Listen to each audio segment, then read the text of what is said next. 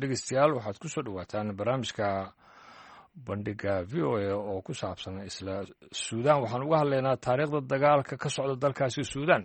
Xuseen barre aadan ayaa soo jeedinaya.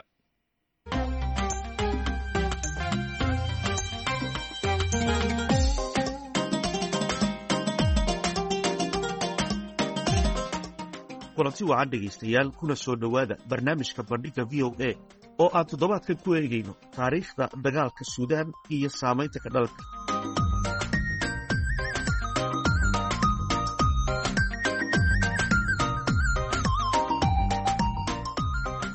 tan iyo dabayaaqadii bishii hore ee abril waxaa dalka suudaan ka socda dagaal u dhexeeya ciidamada militariga ee suudaan iyo maleeshiyada awoodda badan ee gurmadka degdega ah.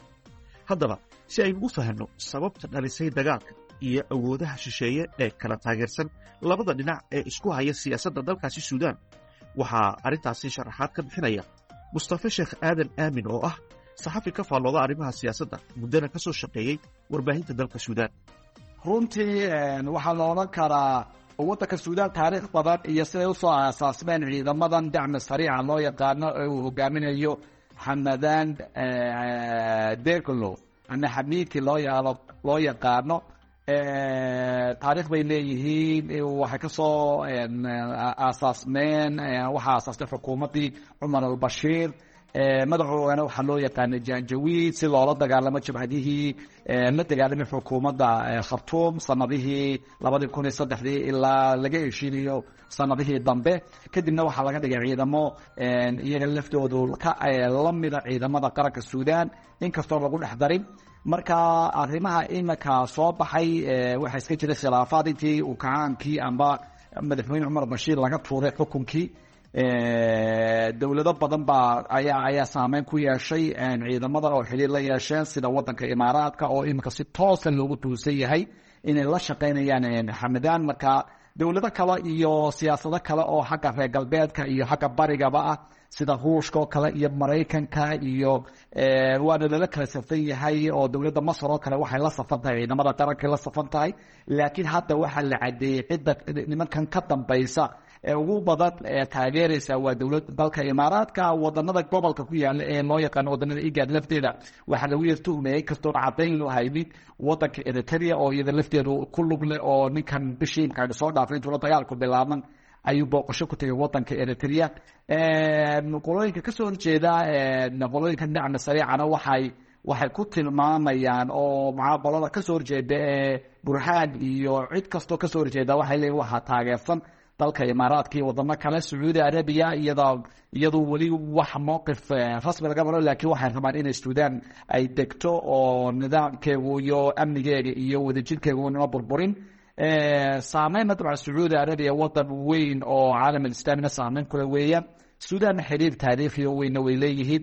Markaas mowqifka sacuudigu ma cadda laakiin waxaa jira wadano badan oo gobolka ku yaalla oo laga shikisan yahay in iyaga laftoodu ay taageersan yihiin sidoo kale waxaa la si toosa loo hubaa inuu taageersan yahay ninka ka taliya magaalada dangazi ee wadanka libiya ee ninka loo dhaqado xaftar isaguna ka balaagoobay xukuumadda ka jirta magaalada tripoli ee dalka libiya sidoo kale waxaa jira wadamo kale oo aan weli la magacaabin oo oo saameyn ku leh. Laakiin dagaalka suudaan dadka jaankiiba waxay qabaan inuu yahay dagaal ma garatay amba waxaa fikriska loo yaqaan proxy war amba carabigana xarbiga wakaala loo yaqaano inuu suudaan hadda ka socdo oo ruushka iyo maraykanka iyo china iyo ay ku dagaalamayaan kooxaha halkaa isku haystana in ma garatay ay la kala safan yihiin.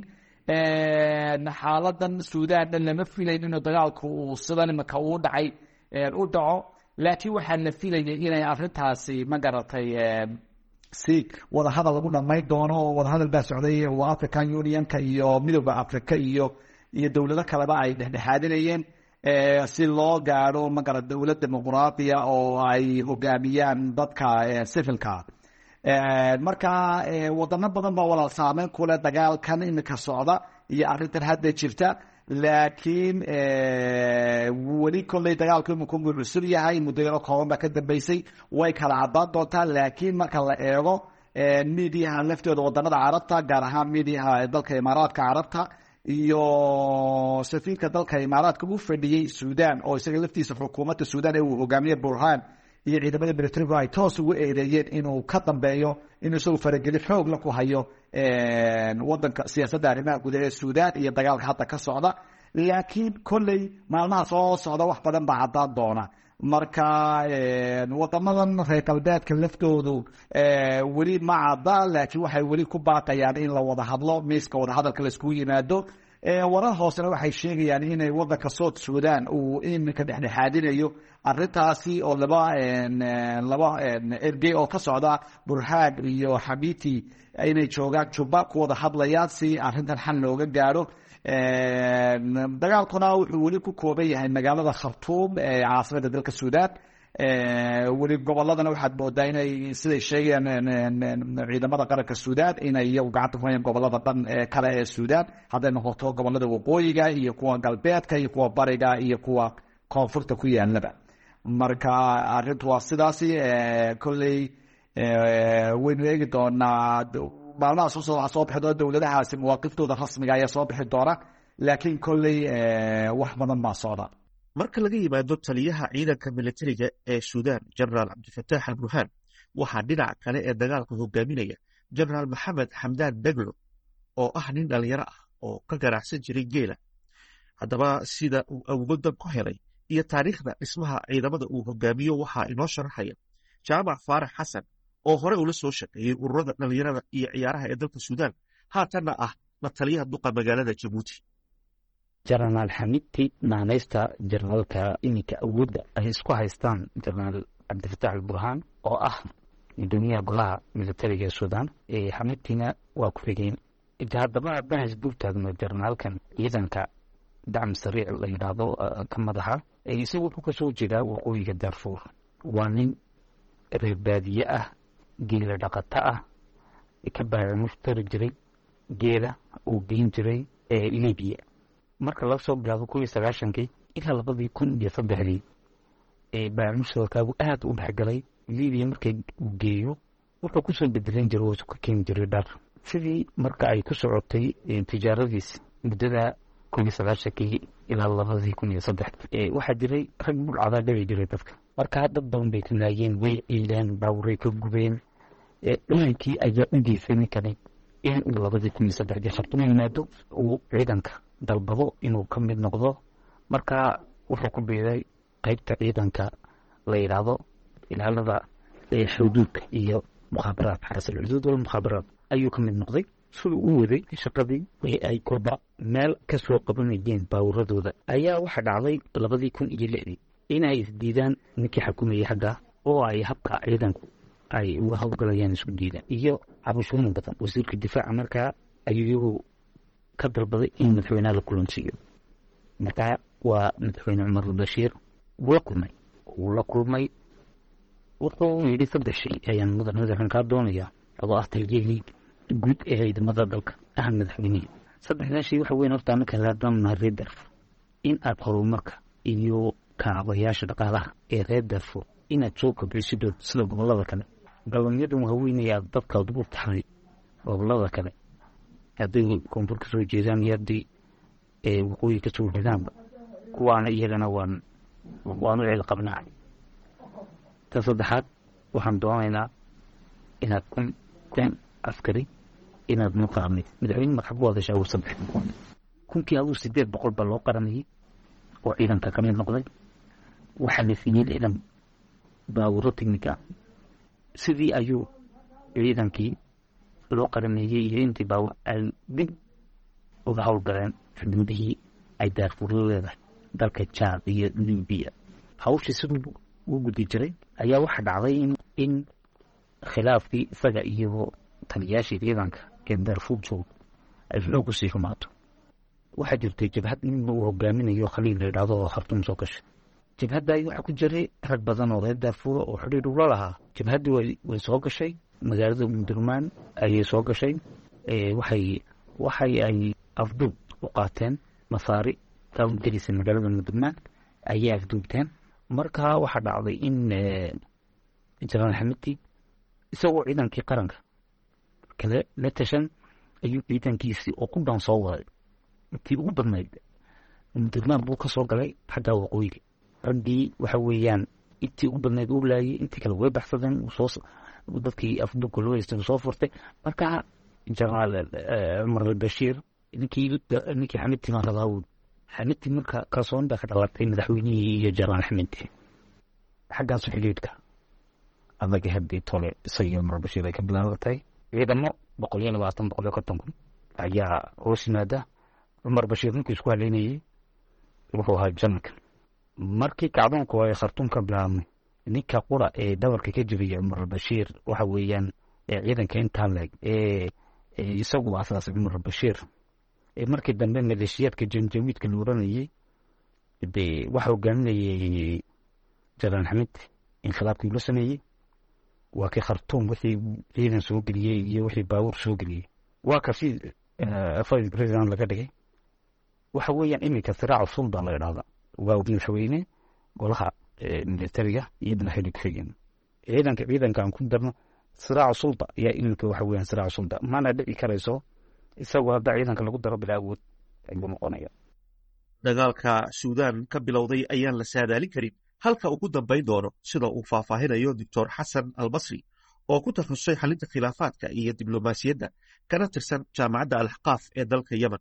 Xaaladda iyo muuqaalka markaan ay marayso dalka suudaan labada dhinac ay ku dagaalamaya suudaan gaar ahaan khartuum caasimadda waa isjiijiidayaan oo kalama awood badna ciidankan burhaan hogaaminayo dowladda iyo kuwan loo yaqaano dacmi sariic oo hogaaminayo xamiiti haddii markaa sidaa ay ku socoto waxaad dhacaysaa dagaal sokeeye oo markaa ku fida gobollada dalka suudaan in markaa uu bilowdo ayaguna ay helaan xamiiti iyo burhaan weeye. Taageerayaal dibadeed oo laakiin qarsoon oo hoos ka taageera. Ama meelaha qaar ismuujiya sidaa ka dhacday libiya oo markaa dalal khaliijka iyo ruushka ciidan ka socday oo markaa calooshabase loo yaqaano fagnarka ay soo muuqdaan. Marka labada dhinacba taageeray helaan.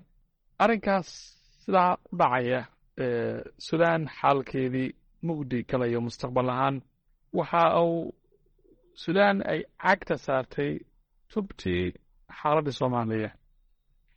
Oo markaa waxaa hadda socda siyaasad qaniska tuurnima loo yaqaano bring manship policy siyaasad xaafatul haawiye oo ah in aan la muujin wax tanaasula cayndhiidna gar leh cadina gar oo tii soomaaliya ka dhacday. Marka suudaan halkaas waxay kaga shabahaysaa tii soomaaliya oo hogaamiye kooxeedyo macangeg ah. Ay soo baxaan oo sida hadda muuqata xamiiti iyo burhaan waa laba shaqsi xilligii dagaalka sokeeyena soomaaliya hogaamiye kooxeedyadu farakuturis bay ahaayeen.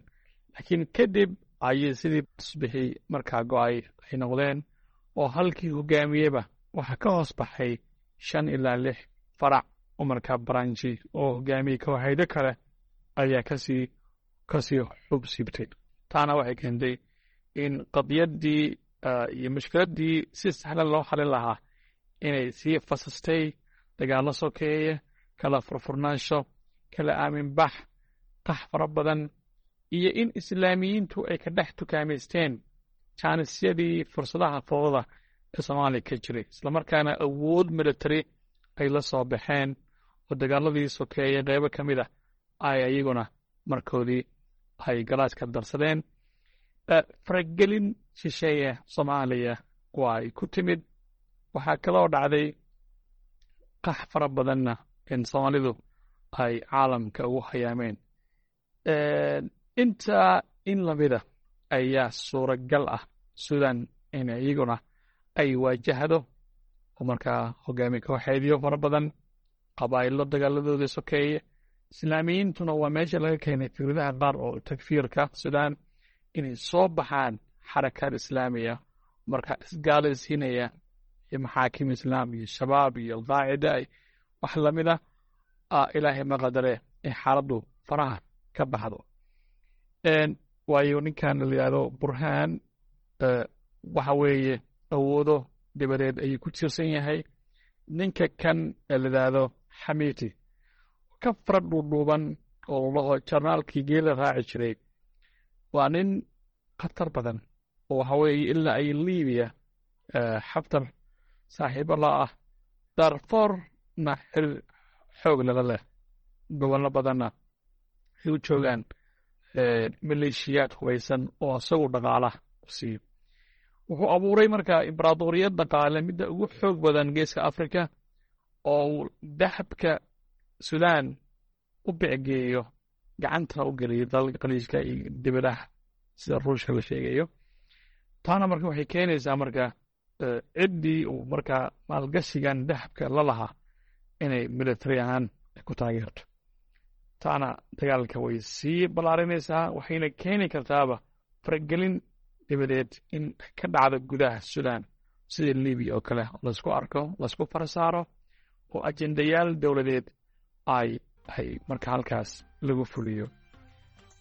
Sida hadda muuqata waxaa lagu jiraa xaalad u muuqata brief holding policy wixii la oran jiray. Siyaasad in neefta la ceshto oo dalalka dibadaha caalamka.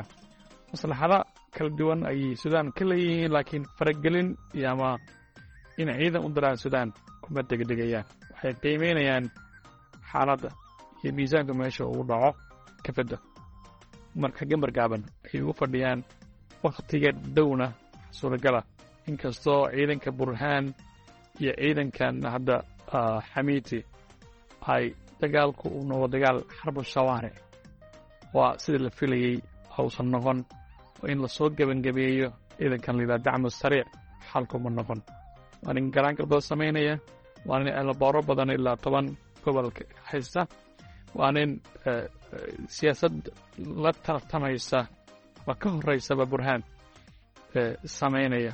Waxa weeye dagaalku intuusan dhicin magaalada uu soo geliyey intaasoo kun ciidana si elboorka uu qabsado ciidanka masaarida ahaana halkaas weerar ugu qaado. Marka waa siyaasado political game laga ciyaarayo dibadda oo gudaha laga fulinaya marka sidaas ay u dhacdo sudan iyo soomaaliya xaalkoodu waa same wax farqi oo u dhaxaynaya. Ma jirto? Caydiidna gar leh calina gar leh xamiidkina gar leh ninka la yidhahdo burhaanna gar leh.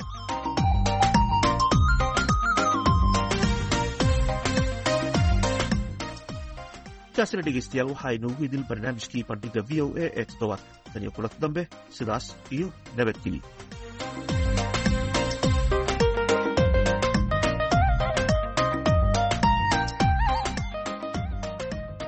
xuseen aadan ayaana soo jeedinayay barnaamijkaasi bandhiga v o a halkaa dhegeystayaal weyn nagala socotaan waa laanta af soomaaliga v o a oo kaga imaanaysa washington